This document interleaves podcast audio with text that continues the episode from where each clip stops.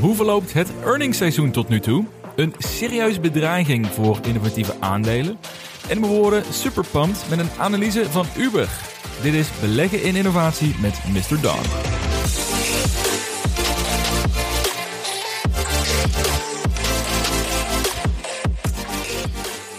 Leuk dat je luistert naar weer een nieuwe aflevering van deze podcast met de volledige focus op beleggen in groeiaandelen en innovatie. De vorige week gaf ik in de introductie al enthousiast aan dat ik uh, te veel onderwerpen had om over te praten. Maar alsof de duivel ermee speelt, deze week is het eigenlijk vooral een warming-up voor de aankomende earningsseizoen. Er zijn wel al een paar uh, interessante earnings geweest. Uh, Netflix is geweest, Tesla is geweest. Daar ga ik zo meteen wel kort mijn ideeën over delen. Maar de echte grote knallers op techvlak, nou, die komen met name in de komende week. Dus nadat ik zo meteen traditioneel een uh, update heb gegeven over mijn portfolio als onderdeel van de Zero to Hero verhaal dit jaar, ga ik een blik werpen op wat we de komende periode mogen verwachten en wat mijn huidige gevoel is na een paar interessante earnings calls tot dusver. Daarna wil ik het hebben over een, uh, een mogelijke periode vol met overnames en mogelijk privatiseren van aandelen. Ik denk dat dit een stiekem een enorme bedreiging kan zijn als je kijkt naar de type aandelen waar met name deze podcast over gesproken wordt. We weten allemaal dat de waarderingen van veel groei- en techbedrijven dat die enorm onderuit zijn gegaan in het afgelopen jaar. Maar enerzijds is dat logisch, een gevolg van overwaardering en ook een markt die kritischer wordt vanwege hogere rentes. Maar er zitten ook bedrijven bij die simpelweg meegenomen zijn geworden in die beursbrede koersdalingen. Die hierdoor wel heel aantrekkelijk zijn geprijsd, of ook interessante technologie hebben, waarvan de private markt of bedrijven met een hoge cashflow gebruik van willen gaan maken. Maar wat betekent dat dus voor beleggers in die aandelen? Nou, dat is een serieus risico wat ik straks ook wil gaan bespreken. En waar ik zelf eigenlijk tot nu toe nog heel weinig over heb nagedacht. Ten onrechte, denk ik, als we kijken in de situatie waar we nu in gaan zitten in de komende 12 maanden. En als sluitend hebben we weer Don's Radar. En dat doen we weer op basis van de vijf indicatoren. En deze week ben ik op een aandeel gekomen vanwege een oude wishlist van januari 2020. Ik kwam die toevallig tegen nadat eh, Patrick op Twitter vroeg over Enphase. En ik dacht, dat aandeel, dat gaat bij mij echt way back. Nou, dat blijkt dus al op mijn wishlist hebben gestaan van uh, drie jaar geleden.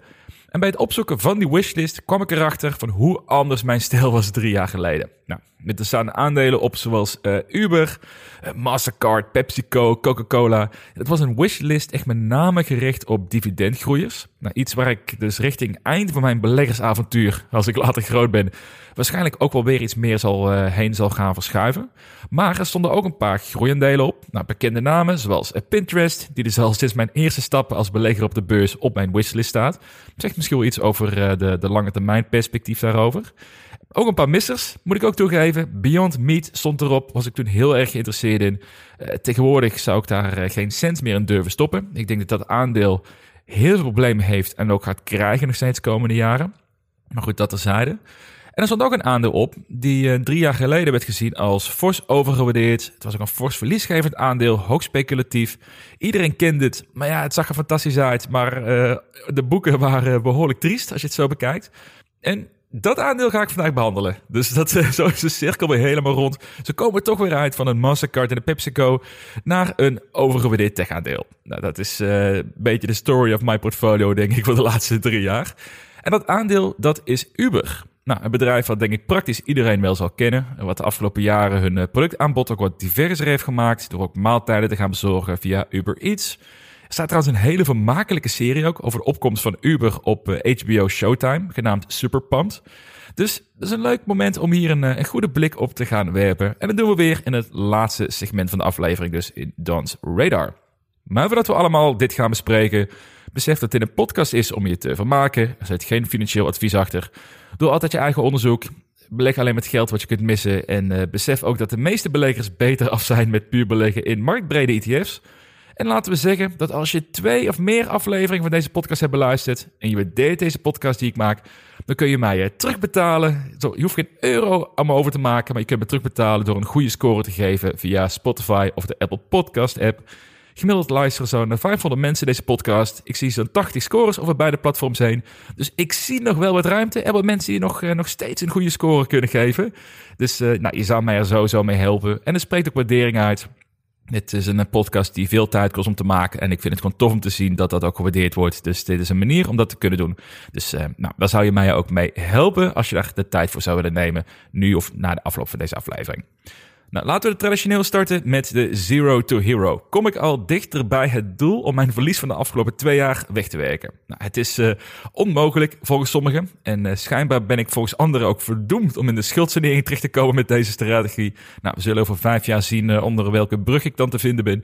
Maar ehm, ik moet zeggen, tot nu toe is het jaar lekker van start gegaan. Want inmiddels staat het rendement voor dit jaar op plus 25 procent. Nou, het kwam met name door afgelopen vrijdag, toen uh, de zwaarder afgestrafte groeiendelen hun momentje in de zon hadden. En het zorgde voor bijna plus 10% op één dag. Nou, je kunt je voorstellen, dat maakt wel een behoorlijk verschil voor uh, deze wekelijkse update uiteraard.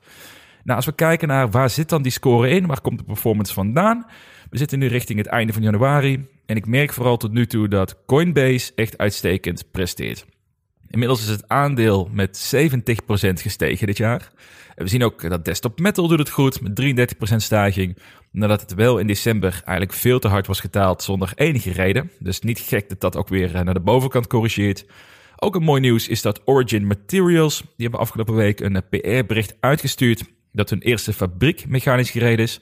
Die staan op plus 26% dit jaar.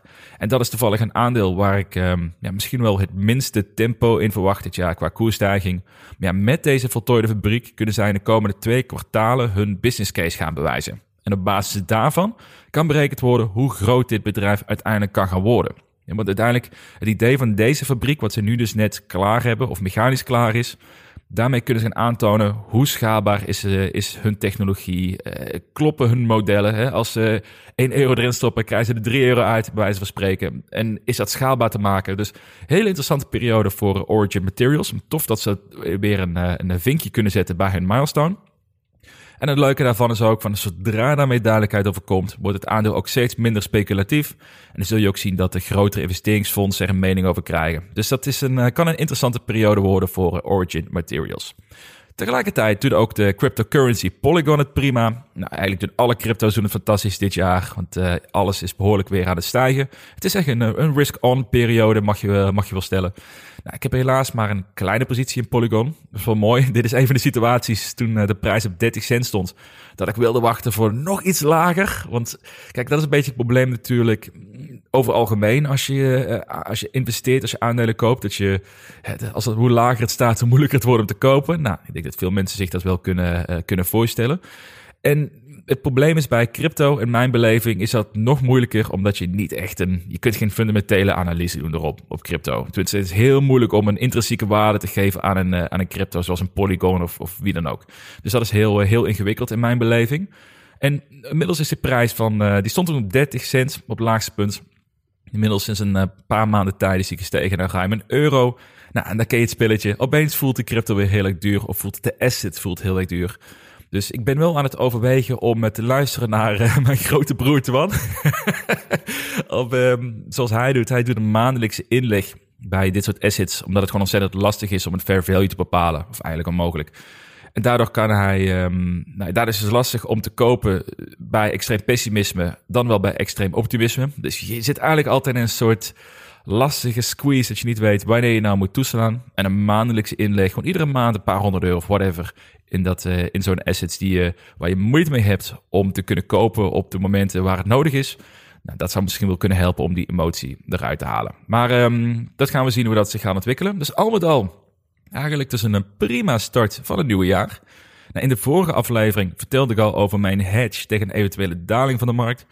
En ik moet toegeven, ik ben nog niet eerder zo zen geweest over mijn portfolio als nu. Nou, voor diegenen die het gemist hebben, ik heb een ETF gekocht waarmee de ARK Invest ETF geshort wordt met drie keer leverage. Nou, die positie is nu 4 à 5 procent van mijn portfolio's. Iets gedaald vorige week natuurlijk, omdat het zo goed ging.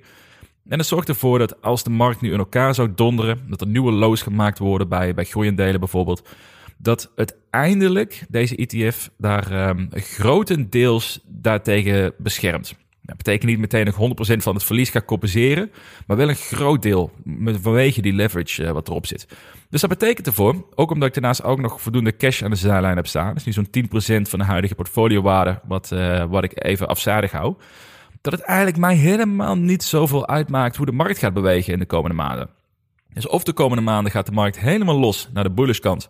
Nou, dan ben ik helemaal tevreden, want ik ben nog steeds netto long. Ik geloof nog, ik ben altijd uh, positief natuurlijk ingesteld.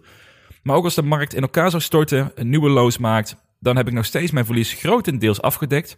En kan ik met die winsten en dus mijn cash wat ik aan de zijlijn heb staan, kan ik uh, fors bijkopen op aantrekkelijke uh, koersmomenten. Dus eigenlijk een heerlijk vooruitzicht. En verder heb ik geen nieuwe posities gekocht dit jaar. Uh, ook geen aandelen bijgekocht. Dus eigenlijk een hele rustige januari op dat vlak. Maar ja, qua score dus niks, niks te klagen. Nou, tot zover het portfolio. We lopen dus op schema met de Zero to Hero jaar. Uh, ik kreeg via Instagram een vraag van Christian over bijkopen wanneer de waarderingen stijgen. Hij vraagt, wanneer is het een goed moment als de markt stijgt om je posities uit te blijven bouwen? Hij zegt dat hij het liefste wacht tot de koersen weer dalen. Hij ziet ook dat ik ook niet aan het kopen ben nu de markt stijgen is. Ik had ook een opmerking over, uh, ik weet niet of het op Twitter was of op mijn podcast, dat ik weinig aantrekkelijke lang momenten zie op dit moment. Of uh, weinig aantrekkelijke koopmomenten, zo moet ik het eigenlijk zeggen. Uh, hoe kijk ik ernaar? vraagt Christian zich af. Ja, ik moet zeggen, dit is inderdaad best wel een, een moeilijke vraag, denk ik ook wel vaak. Of in ieder geval moeilijk antwoord op te geven. Ik denk, het ligt heel erg aan je persoonlijkheid. Ik denk dat uh, sommige beleggers die kopen veel makkelijker als de koersen stijgen, omdat ze meer risk aversion voelen en uh, liefst meteen groene cijfers willen zien in hun portfolio. Uh, anderen, waaronder ikzelf en nou, waarschijnlijk jij ook, Christian, wij kopen liever als de koersen dalen, we daarmee aantrekkelijker te denken kunnen kopen. Ik denk dat er voor beide iets te zeggen valt. En voor beide zijn risico's. Dus als je koopt zodra de koers fors aan het stijgen is, dan kun je je laten verleiden door het sentiment. En erachter komen dat je achteraan de rij stond met kopen. En dan, uh, nou, dan kun je een terugval verwachten binnenkort. Maar aan het geval van bijkopen als koersen dalen, dan kom je best wel snel uit bij uh, zogeheten falling knife. En dat je aandelen koopt die voor een langere tijd laag blijven of nog lager zullen gaan. En dat je maar blijft kopen en kopen omdat het in jouw beleving steeds aantrekkelijker wordt. Nou, ik weet dat diegenen die technische analyses uitvoeren, dat zijn kooppunt bepalen nadat de koers enigszins duidelijk een weg omhoog weer heeft ingezet. Ik weet dat Twitter deelt uh, Trader Ted vaak van dit soort uh, snelle overzichten. En hij is ook wel, wel geneigd om je te helpen als je een keer een analyse wil. Dus dat is een aanrader, denk ik, om dat op die manier te volgen. Maar ik denk onderaan de streep, wat volgens mij voor beide geldt, wat voor mij het meest, nog steeds denk ik onderaan de streep het beste is om te doen, is dat je zelf weet hoeveel waarde het aandeel intrinsiek ongeveer is. En hoeveel ruimte geef je jezelf om onder die intrinsieke waarde te kopen.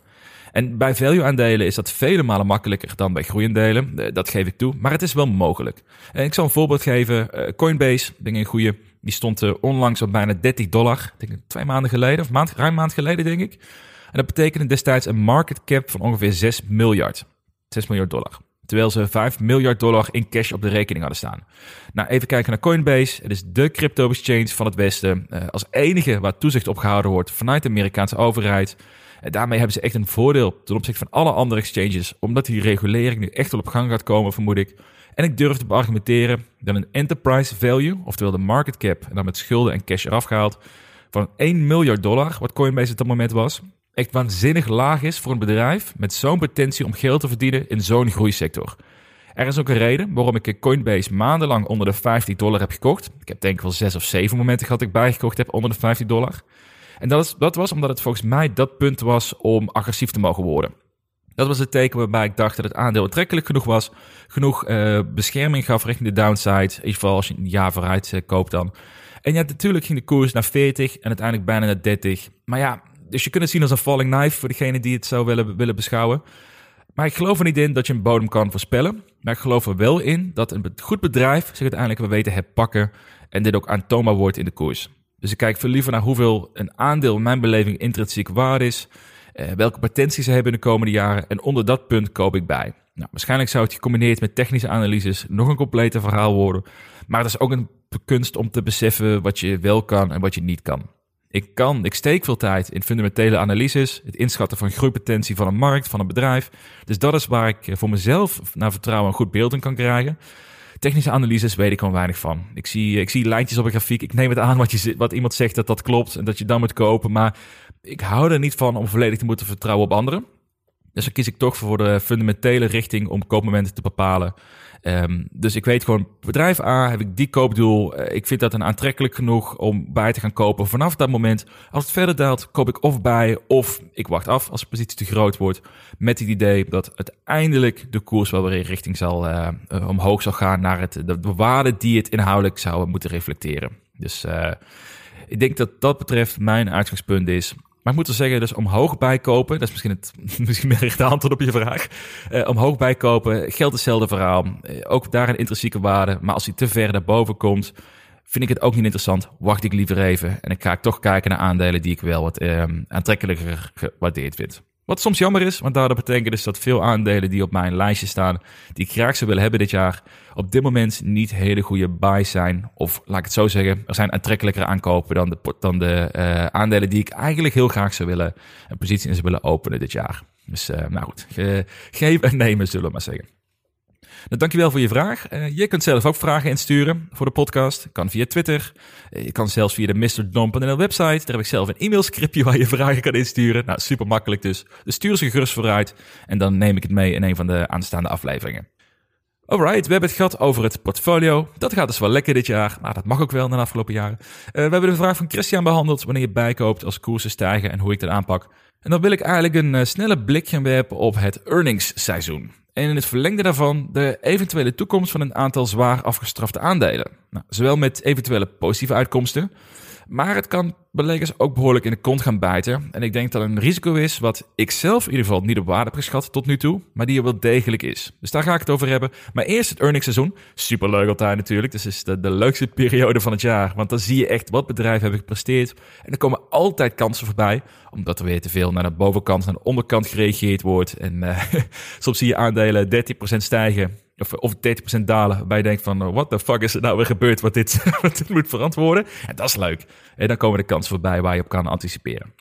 Dus um, dat is altijd een leuke periode waar we nu in gaan zitten.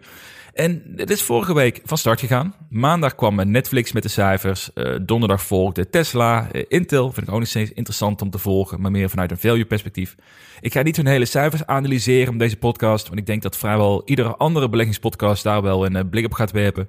Maar ik probeer deze periode vooral een soort rode draad te zoeken in de tech-aandelen. We lezen natuurlijk veel over een aanstaande recessie, veel over inflatie, of is het ook deflatie waar we tegemoet komen. Eh, we zien allerlei grafiekjes voorbij komen die tegelijkertijd een enorme crash of een enorme bull market voorspellen. Het ligt er maar aan hoe je naar wil kijken.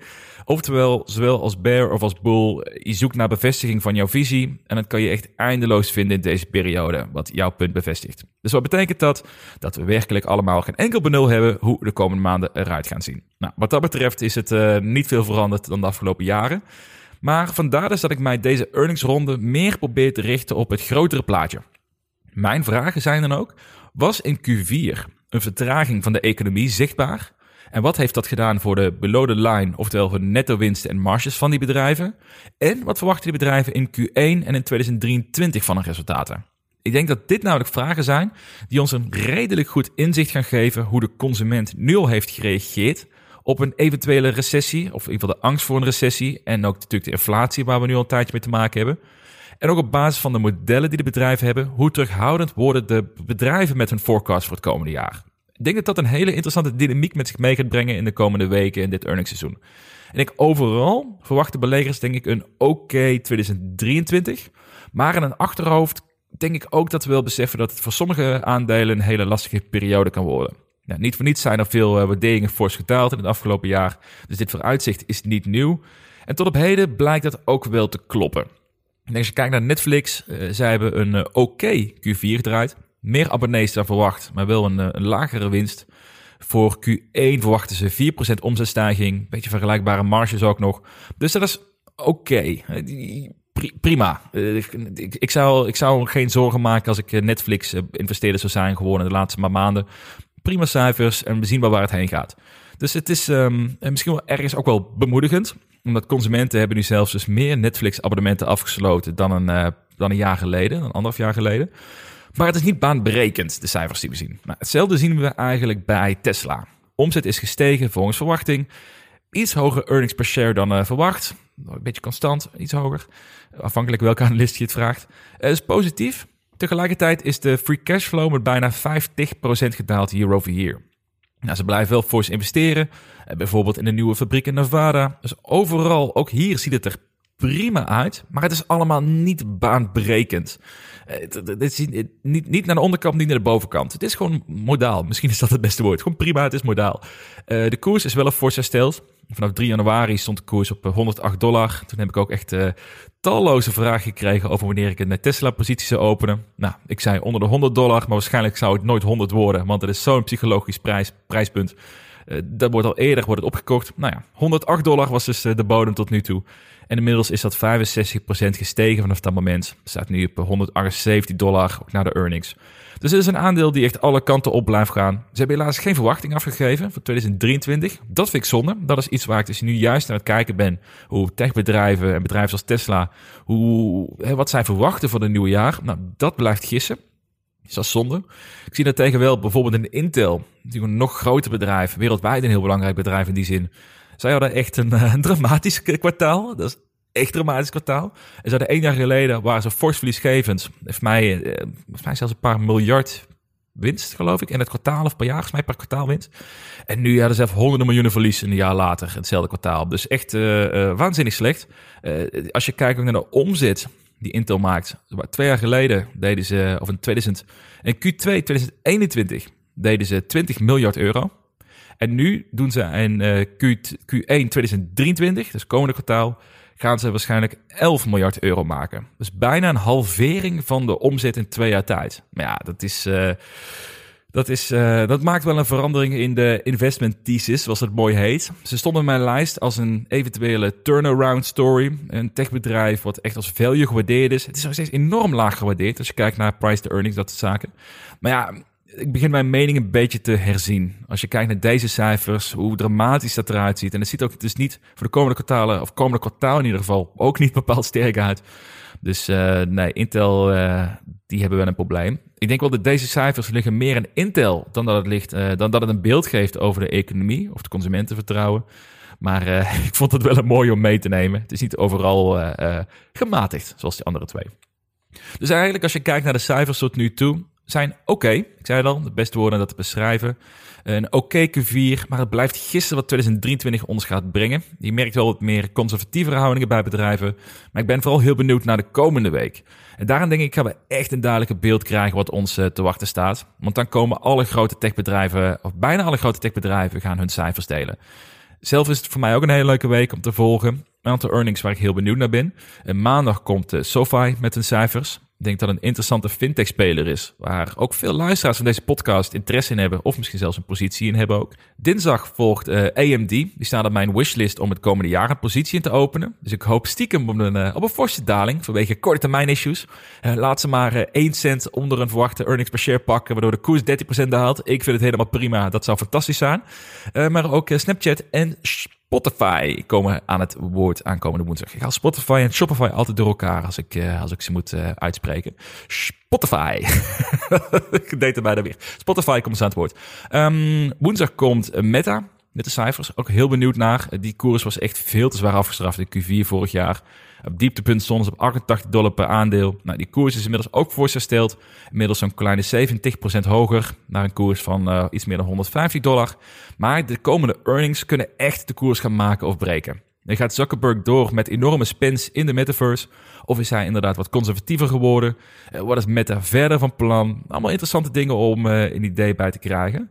Opvallend in ieder geval wel is dat het aantal users van hun apps in Q4 nog steeds uitstekend was. Dus ondanks dat advertentiebedrijven, denk ik, een, een, lastige periode gaan krijgen, met name bedrijven zoals Meta, zouden ze misschien wel eens kunnen gaan verrassen, in ieder geval voor de Q4-resultaten. Ik denk dat de forecast voor het komende jaar wel lastig wordt, maar Q4 zouden ze misschien wel kunnen verrassen. En dan volgt de meest, de waarschijnlijk de meest impactvolle dag voor de beurs de komende week. Dat is de donderdag. Met onder meer Amazon, Google, Apple die hun cijfers delen. Dus dat zal behoorlijk wat eh, beweging met zich mee gaan brengen. Maar uiteindelijk weet je, de hoofdrolspeler van het hele verhaal, dat blijft natuurlijk de Fed. De goede cijfers kunnen bodem leggen voor een uh, vervolg van de bullrun. Maar de Fed bepaalt uiteindelijk of het vuurtje opgestookt of gedoofd gaat worden. Nou, in een aanstaande rentebesluit verwachten beleggers dat ze iets uh, terughoudender worden, iets conservatiever.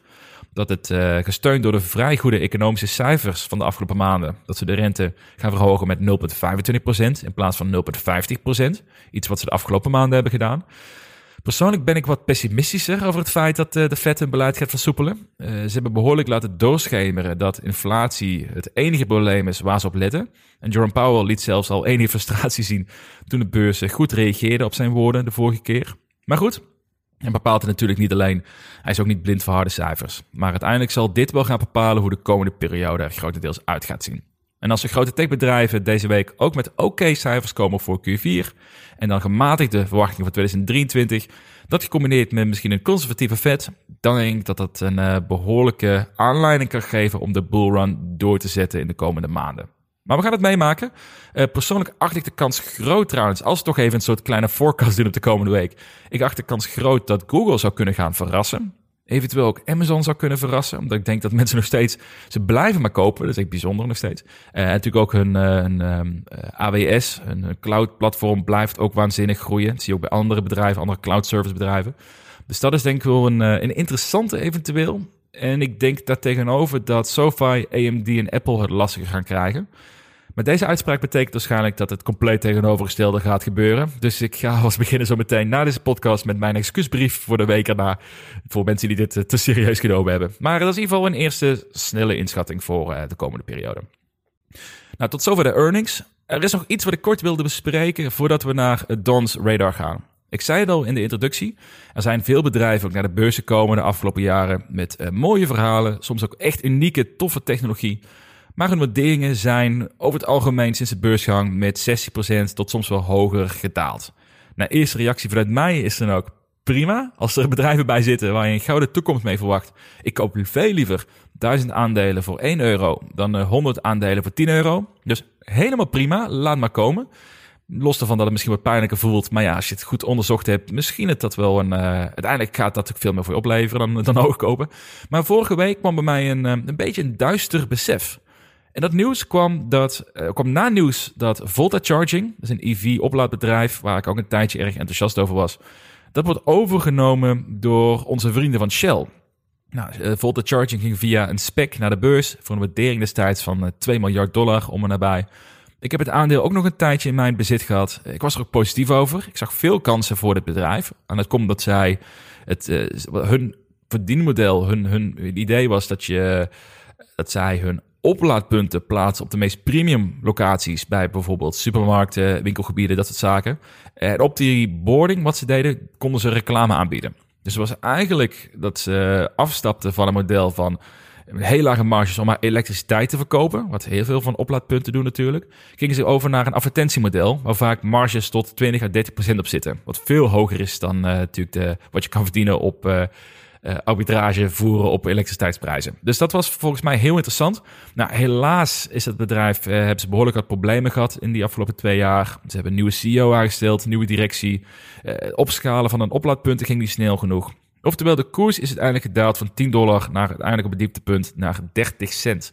Gigantisch verlies natuurlijk. Op papier zou je kunnen zeggen. En onlangs werd bekend dat Shell dit bedrijf gaat kopen voor een premium van 18% op de laatste koers. Dat komt neer op 86 cent per share. Oftewel, als jij dit aandeel hebt gekocht voor 10 dollar op het moment dat ze dus naar de beurs gingen. Ik heb het aandeel volgens mij ook gekocht op 10 dollar de eerste keer toen ik uh, Volta charging positie opende. Stel dat je daar veel vertrouwen in hebt gehad. Je ziet het aandeel uh, zakt naar 6 dollar. Je denkt nog steeds veel potentie. Ik ga mijn positie verdubbelen. Daarna zakt het aandeel, door welke reden dan ook, zakt door naar 2 dollar. Macro-omstandigheden, rentes, yada yada yada. je denkt, nou fuck it, ik ga nog een keer verdubbelen, want ik geloof er ontzettend in, in de toekomst van Volta dan heb je een behoorlijke positie opgebouwd. Want je hebt twee keer je aandeelpositie verdubbeld. Je hebt er nu een gemiddelde koers van 4 eh, dollar. Wat heel aantrekkelijk kan lijken als je kijkt vanuit een oorspronkelijke koers. En ook de potentie die je toedicht. Maar deze beleggers, die dus uh, in Volta zitten, die dit project, die dit zo hebben aangepakt, zoals ik net beschrijf, die zijn nu dus 80% van hun geld definitief kwijt vanwege deze overname van Shell. En er is niets wat je hieraan kan doen. Ook al geloof jij dat Volta Charging over vijf jaar vele malen meer waard zal zijn, dat het bedrijf 10 miljard waard kan zijn in de toekomst, het maakt niet uit, want die kans gaan we niet meer krijgen als beleggers zijnde. Dat was één ding wat gebeurde in de vorige week. Daarna kwam afgelopen vrijdag kwam het gerucht naar buiten dat uh, rondom Lucid Motors, dat het Saoedi-Arabische Public Fund, zij bezitten al 62% van Lucid Motors. En nu komt het geluid naar buiten dat het fonds overweegt om geheel Lucid over te nemen. Dus ook de overige 38% van de aandelen te kopen. De analisten schatten in dat Lucid bij zo'n overname tussen de 13 en de 16 dollar waard zou moeten zijn. Dat is een behoorlijke premium op de koers van iets minder dan 10 dollar, waar eh, Lucid op stond voordat de geruchten naar buiten kwamen. Maar ook hier geldt, als jij een Lucid Modus hebt belegd, een gemiddelde aankoopprijs, heb je meerdere, met meerdere aankopen zeg maar, net onder de 20 dollar gekregen. Wat best als een prima instapmoment kan voelen, of als een prima gemiddelde koers kan voelen. Eh, dan ga je een behoorlijk verlies maken op die investering. En ook al geloof je dat Lucid uiteindelijk net zo groot kan worden als Tesla, bijvoorbeeld, maakt helemaal niet meer uit, want je wordt eigenlijk uitgekocht van die kans. Dus beleggers die de afgelopen periode zijn ingestapt voor 6 tot 9 dollar, nou, die hopen natuurlijk vurig op een overname, want dat is eh, flink cash op de korte termijn. Die gaan eh, verdubbelen of 80% of zo een premium pakken op, die, eh, op dat moment. Maar ja, door beide situaties, door Volta en nu dus Lucid Motors, kwam bij mij wel eigenlijk een, een pijnlijk besef dat niet ieder bedrijf per definitie de kans gaat krijgen om een potentie aan te tonen. En misschien wordt een SoFi of een IonQ, eh, misschien wordt een Canoe of een Desktop Metal wel overgenomen voor het 20% premium op de huidige koers. Nou, dat zou voor mij in ieder geval een enorm verlies betekenen. En ik denk voor heel veel beleggers zou dat een flink verlies betekenen. En dan wordt de kans ontnomen om te investeren voor die vijf jaar vooruit. Dat is iets waar, ik dit voor doe. Dit is, dat, met, met dat in achterhoofd investeer ik nu in die bedrijven. En dat bracht mij wel aan het denken. Want ik had er rekening mee gehouden dat uh, nou, als bedrijven voldoende cash op zak hebben dat ze de komende jaren kunnen overleven, dan dat is het belangrijkste uitgangspunt. Het overleven van de bedrijven tot ze groot genoeg zijn. Dat zit in mijn analyse nu verwerkt. Die financiële gezondheid waar ik steeds meer op hamer. Maar het risico van een overname voor een beperkte premium of misschien het privatiseren van een aandeel, dat risico zit nog totaal niet in mijn overweging. Dus laten we kijken naar wat voor type aandelen dit kan overkomen. Sowieso zou natuurlijk bij ieder bedrijf kunnen gebeuren. Ik had uh, Slack in mijn portfolio en zij werden overgenomen door Salesforce met een 30% premium. Nou, dat was helemaal prima. Uh, als je Activision Blizzard aandelen had, dan was je waarschijnlijk ook blij met de overname door Microsoft. En het komt omdat dit al stabielere bedrijven zijn qua groei. Ook minder volatiel in de koers. Uh, er werd ook een prima premium voor betaald. Maar ja, de grote probleemgevallen, degene die dit kan overkomen ongewenst, dat zijn bedrijven met een forse cashburn, met weinig kapitaal op de rekening en die misschien over een half jaar of een jaar nieuw geld moeten ophalen om niet in liquiditeitsproblemen te komen. Nou, laten we er eerlijk over zijn. Canoe is daar wel een voorbeeld van. Weinig cash op zak, hele waardevolle technologie. Ze hebben sterke sales deals hebben ze ook lopen. Maar dat is ook een onzekere toekomst vanwege uitblijven van voldoende kapitaal. Nou, ik vermoed niet dat de directie van het bedrijf het bedrijf verkoopt als het niet nodig is. Hè, want de CEO heeft ook fors aandelen gekocht voor een eh, aanzienlijk hogere prijs dan de huidige koers. Heeft ook uitgesproken niet te willen verkopen, alleen maar te willen kopen. Nou ja, eh, woorden en daden is wel heel wat anders natuurlijk. Maar ja, als het geld opdroogt en ze kunnen niks anders, dan is de kans zeker aanwezig dat de CEO, misschien met behulp van zakenmensen of fondsen, genoeg gaat privatiseren. Of misschien dat een Hyundai of een Kia het bedrijf koopt voor de, voor de octrooien. Hè, voor een lage prijs, voor een paar procent misschien boven de al hele lage koers wat het is. En ik denk dat dat wel een serieuze bedreiging kan betekenen. En iets om mee rekening mee te houden dan ik op dit moment in ieder geval deed. Ik denk aan de andere kant heb je bedrijven die, uh, die voldoende cash op zak hebben om anderhalf jaar of langer uit te zitten. Uh, met tegelijkertijd ook een force order book en ook aanzienlijke assets om dat tegen een lening te krijgen. Uh, dat zijn bedrijven die misschien wat minder in de problemen gaan komen. bijvoorbeeld een Origin Materials of een AST Space Mobile. Als ik kijk naar mijn portfolio, beide zullen niet voor 20% premium overgenomen worden. Daar is helemaal geen aanleiding toe. Maar we zitten wel in een, een spannende periode op dit gebied. Er zijn veel legacy bedrijven die sterk moeten gaan innoveren om mee te kunnen blijven bij de, bij de, in de toekomst. Het gaat allemaal super snel natuurlijk qua technologie. Vaak zijn dit soort bedrijven, die hebben ook nog een enorme free cashflow, zoals een Shell bijvoorbeeld. En die kunnen nu gaan shoppen voor aantrekkelijk gewaardeerde startups voor hun tech. En ik denk dat dat een serieus extra risico is om de komende periode te investeren in verliesgevende aandelen met weinig kapitaal. Het gebeurde bij Volta. Het gaat misschien gebeuren met Lucid Motors. Dat waren twee aandelen die in mijn portfolio hebben gezeten.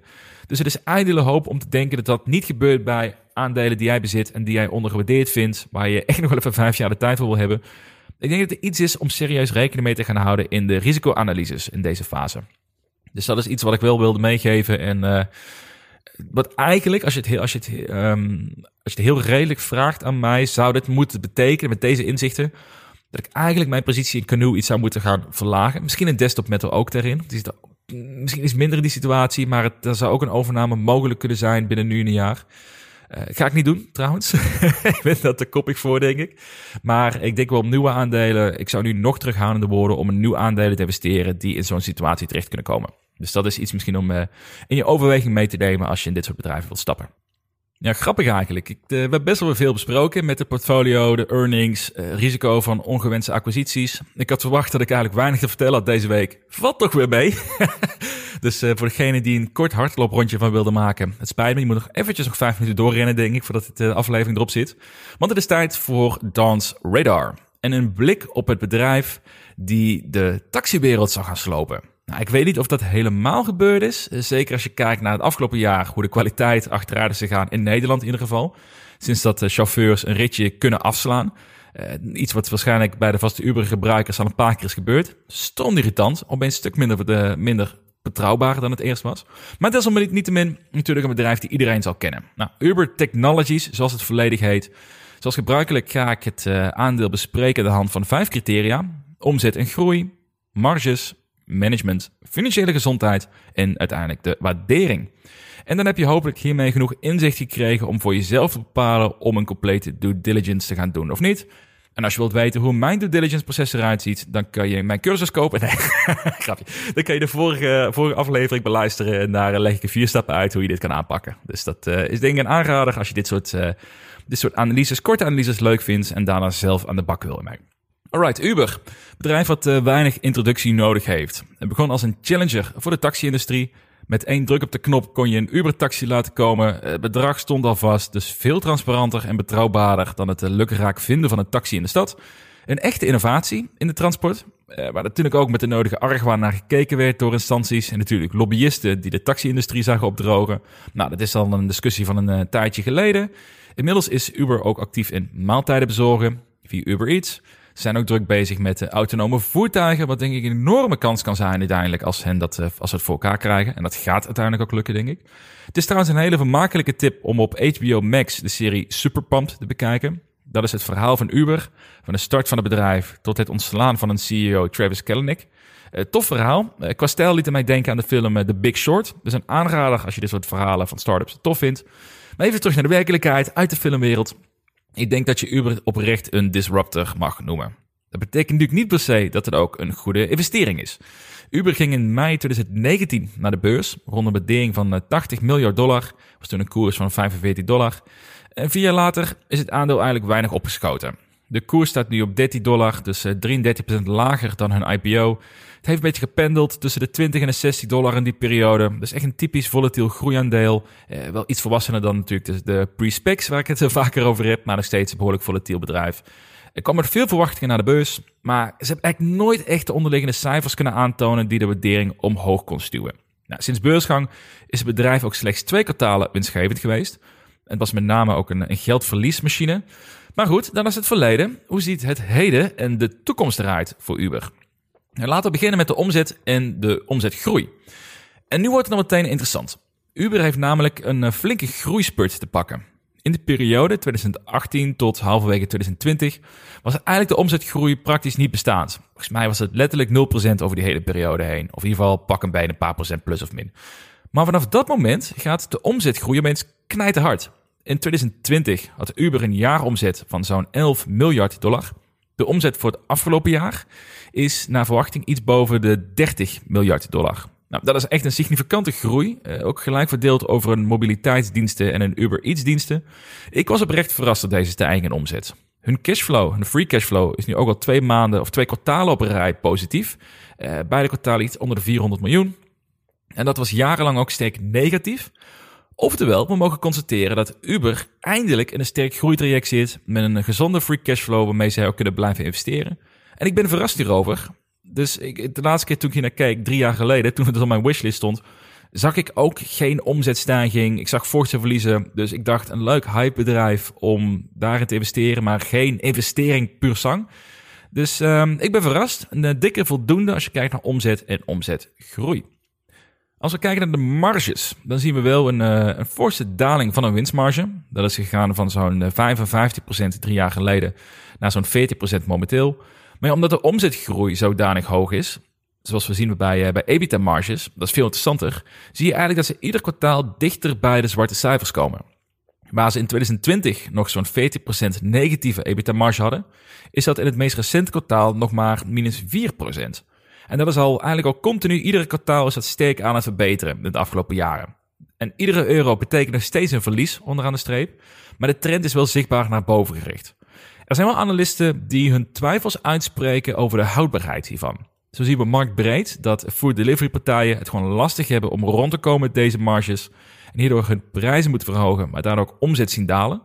Het is onwaarschijnlijk dat Uber dit niet gaat merken in hun cijfers. Tegelijkertijd is er ook een margecompressie gaande in de mobiliteitsdiensten, waar ze ook strijden met lift voor iedere euro. En inmiddels zijn ook taxis, hoe onhandiger het ook is, maar ook die worden toch weer wat competitiever, uh, puur kijken naar, naar prijzen. De ruimte om prijzen te verhogen lijkt er ook uit te zijn, direct. Dus, eh, en ook onder de streep zijn er weinig nieuwe gebruikers bijgekomen bij, bij Uber. Dus de zorg is of Uber nog wel voldoende rek heeft in zowel mobiliteit als maaltijdbezorgen om uiteindelijk toch een goed verdienmodel te creëren. Oftewel, de trend omhoog van de laatste kwartalen, is dat nog wel houdbaar? Daar twijfel ik ook over. Dus wat mij betreft een neutrale score op de margesvlak. Op naar management. Uber is opgericht door uh, Travis Kalanick, want hij was niet bepaald uh, de beste CEO voor een publiek genoteerd bedrijf. Kijk daar overal de serie, dan uh, krijg je een beetje Hollywood vibes wel, maar dan krijg je een idee hoe hij zich gedroeg. De huidige CEO is Dara Khosrowshahi. Ik heb hem even goed moeten opschrijven. Ik hoop dat ik het goed uitsprak. Maar uh, hij krijgt uh, echt een uitstekende waardering van de werknemers. Maar liefst 89% van de mensen waardeert de directeur. Ook de cultuur van Uber krijgt trouwens een hoge score. 83%. Ook dit verbaast mij. Omdat Uber in mijn beleving ook gezien kan worden of gezien wordt als een bedrijf die hun chauffeurs en hun bezorgers uitbuit met lage marges, rare contracten. Maar schijnbaar heeft dit geen impact op de overal waardering van het bedrijf zelf door de werknemers. Ze lijken ook modern te zijn qua hybride werken, eh, diversiteit policy. Eh, ze hebben tal van onderscheidingen ontvangen in 2022 vanwege hun management en hun cultuur. Ze worden door meerdere organisaties zijn ze beloond als een van de beste bedrijven in Amerika en San Francisco om voor te mogen werken. En dit verbaast mij ook weer opnieuw in een positieve zin. Dit is niet de Uber die ik had verwacht, dus ook hier op dit vlak een eh, dikke voldoende. Het vierde punt, financiële gezondheid, dat ziet er niet fantastisch uit. Ze hebben een kleine 5 miljard aan cash, maar ze hebben ook ruim 11 miljard aan schuld. Nou, zeker in de huidige omstandigheden, waar eh, geld lenen steeds kostbaarder wordt, kan dit echt wel een probleem gaan betekenen voor Uber. En ook omdat ze de afgelopen 12 maanden een netto verlies hebben gemaakt van 8,8 miljard dollar, ja, is dat geen lekker vooruitzicht. We zagen net wel in de cijfers dat de trend omhoog is qua marge. Dat ze eindelijk ook twee kwartalen op rij een positieve free cashflow behaald hebben. Dus er liggen mogelijkheden voor Uber om deze problemen enigszins tegemoet te komen. Maar om te zeggen dat Uber in een financieel goede situatie zit, nou, dat is uh, zeker niet het geval. Dus hier kunnen we vrij kort over zijn. Een onvoldoende voor financiële gezondheid. Dan komen we aan bij het vijfde punt en dat is de waardering van het aandeel. Als we de resultaten samenvatten wat ik juist heb verteld, en dan komen we uit bij een bedrijf die de afgelopen twee jaar een enorme groeispurt heeft laten zien. Zowel qua omzet als richting een uh, groei naar een solide businessmodel. Dus kijk naar marges. Ook wordt het bedrijf, het management en de cultuur enorm geroemd. Veel prijzen gepakt. Maar tegelijkertijd is er die financiële onzekerheid. Met hogere schulden dan cash. En ze blijven verliesgevend onderaan de streep. Dus ik beschouw dit als een aandeel die fundamenteel interessant zou kunnen zijn. Maar waar ik wel een behoorlijke margin of safety voor zou willen aanhouden. En vanwege de financiële uitdagingen en ook de twijfel of hun groeispurt die ze de laatste twee, drie jaar hebben, of ze die wel kunnen gaan doorzetten. Zou, het zou betekenen dat ik niet de hoofdprijs zou willen betalen voor dit aandeel. Nou, als we nu kijken hoe Uber nu is gewaardeerd, dan zien we dat het aandeel momenteel twee keer de omzet kost. Dat klinkt redelijk, als je kijkt naar de zojuist genoemde situatie. Een price to sales van 2 zou ik zelf ook op hebben ingezet, als ik gewoon puur blanco ernaar zou moeten kijken, en op basis van wat ik net vertelde. Traditioneel gezien ben ik bereid tot vier keer de omzet te betalen als het bedrijf snel een omzet groeit en een hoger free cashflow heeft. Maar ja, vanwege de voorbehouden voor Uber is dat dus iets, uh, iets conservatiever geworden in mijn beleving. Dus een snelle discounted cashflow rekensom laat zien dat de intrinsieke waarde van het aandeel, for what it's worth, een, uh, een koers tussen de 30 à 35 dollar is. Nou, de huidige koers is 13 dollar, dus wat dat betreft zit het goed in de buurt. Maar ik mis dus mijn margin of safety nog op dit moment, vanwege dus die financiële onzekerheid. Ik zou het inschatten op zeker 30% margin of safety. Vanwege de huidige uitdaging dus om geld te lenen voor een degelijke rente. Dus 30% marge is echt mijn absolute minimum. Dat betekent dat ik Uber interessant zou vinden rond een koers van 22 tot 26 dollar. Dat komt neer op een waardering van 45 tot 52 miljard. Nou, dat zou misschien een, eh, een aantrekkelijk moment kunnen zijn voor een starterspositie. Een instapmoment zou dat kunnen betekenen als je kijkt, in ieder geval op basis van mijn fundamentele uh, analyse erover. Blijft speculatief, maar er is wel één ding, uh, of er zijn een paar dingen wat mij dus wel positief hebben verrast. De omzetgroei en management had ik echt niet verwacht dat die zo positief zouden zijn. Juist omdat ik in 2020, toen ik dit aandeel bekeek, waren dat juist twee gebieden waar zwaar ondergepresteerd werd. Dus dat hebben ze heel knap gedaan. Maar er is nog één opportunity die ik eigenlijk uh, wel benoemd heb, maar heel kort, maar die denk ik onderschat wordt. En dat is dus het, uh, het autonoom rijden. Ik denk dat stiekem een enorme opportunity kan gaan betekenen voor Uber. Nou, dat moment komt steeds dichterbij. Het zal heus nog wel vier tot zes jaar gaan duren voordat er echt zelfrijdende taxis komen. Maar als het komt, of als zodra het komt, dan is Uber echt fantastisch voorbereid op die toekomst. Ik denk dat dan hun marges en hun omzet echt kunnen gaan exploderen. Het voordeel van Uber is dat zij al een enorme klantenbasis hebben. Dus het uh, netwerkeffect, laat ik het zo noemen. En mensen die de app kennen, de app vertrouwen, en ik denk daardoor dat ondanks dat er veel meer partijen zullen gaan stappen in die uh, autonoom rijden. Ik bedoel, Tesla is natuurlijk heel druk mee bezig. Ik weet niet of zij per se in ridesharing kan zitten. Maar ik denk dat daardoor wel Uber echt de nummer één contender gaat worden voor uh, ridesharing diensten bij zelfrijdende auto's. Blijft een speculatief gebied. Het kan vier jaar duren, het kan zes jaar duren, het kan tien jaar duren voordat we er ooit zijn. Voordat alle nou, certificaten zijn uitgedeeld en in de wet staat dat het mag. Maar dat zou wel kunnen betekenen dat Uber hiermee een vooraanstaande kandidaat is om een enorme cash cow te worden over een paar jaar, mits die werkelijkheid waarheid wordt. Ja, tot die tijd moeten we toch gaan kijken naar de, de werkelijkheid. En dat is dus benieuwd of hun marges kunnen stijgen, of de omzetgroei blijft stijgen voor betreft de mobiliteit en delivery. Um, dat gaan we denk ik de komende kwartalen moeten dat in de gaten gaan houden. En als het beter is dan verwacht, dan kan ik wel overtuigd worden misschien om uh, een positie, een kleine positie in eerste instantie in Uber te gaan overwegen. Maar daarvoor moet natuurlijk eerst nog een complete due diligence worden plaatsgevonden. Maar ik moet dus zeker concluderen dat op het eerste oog Uber interessanter dan ik had verwacht. Dat moet ik toegeven. Alright, dat was weer de podcast voor deze week. Vergeet niet de show even een waardering te geven via Spotify of Apple Music. Je helpt mij ook om de show te delen met vrienden die ook interesse hebben om te beleggen in aandelen en in innovatie natuurlijk.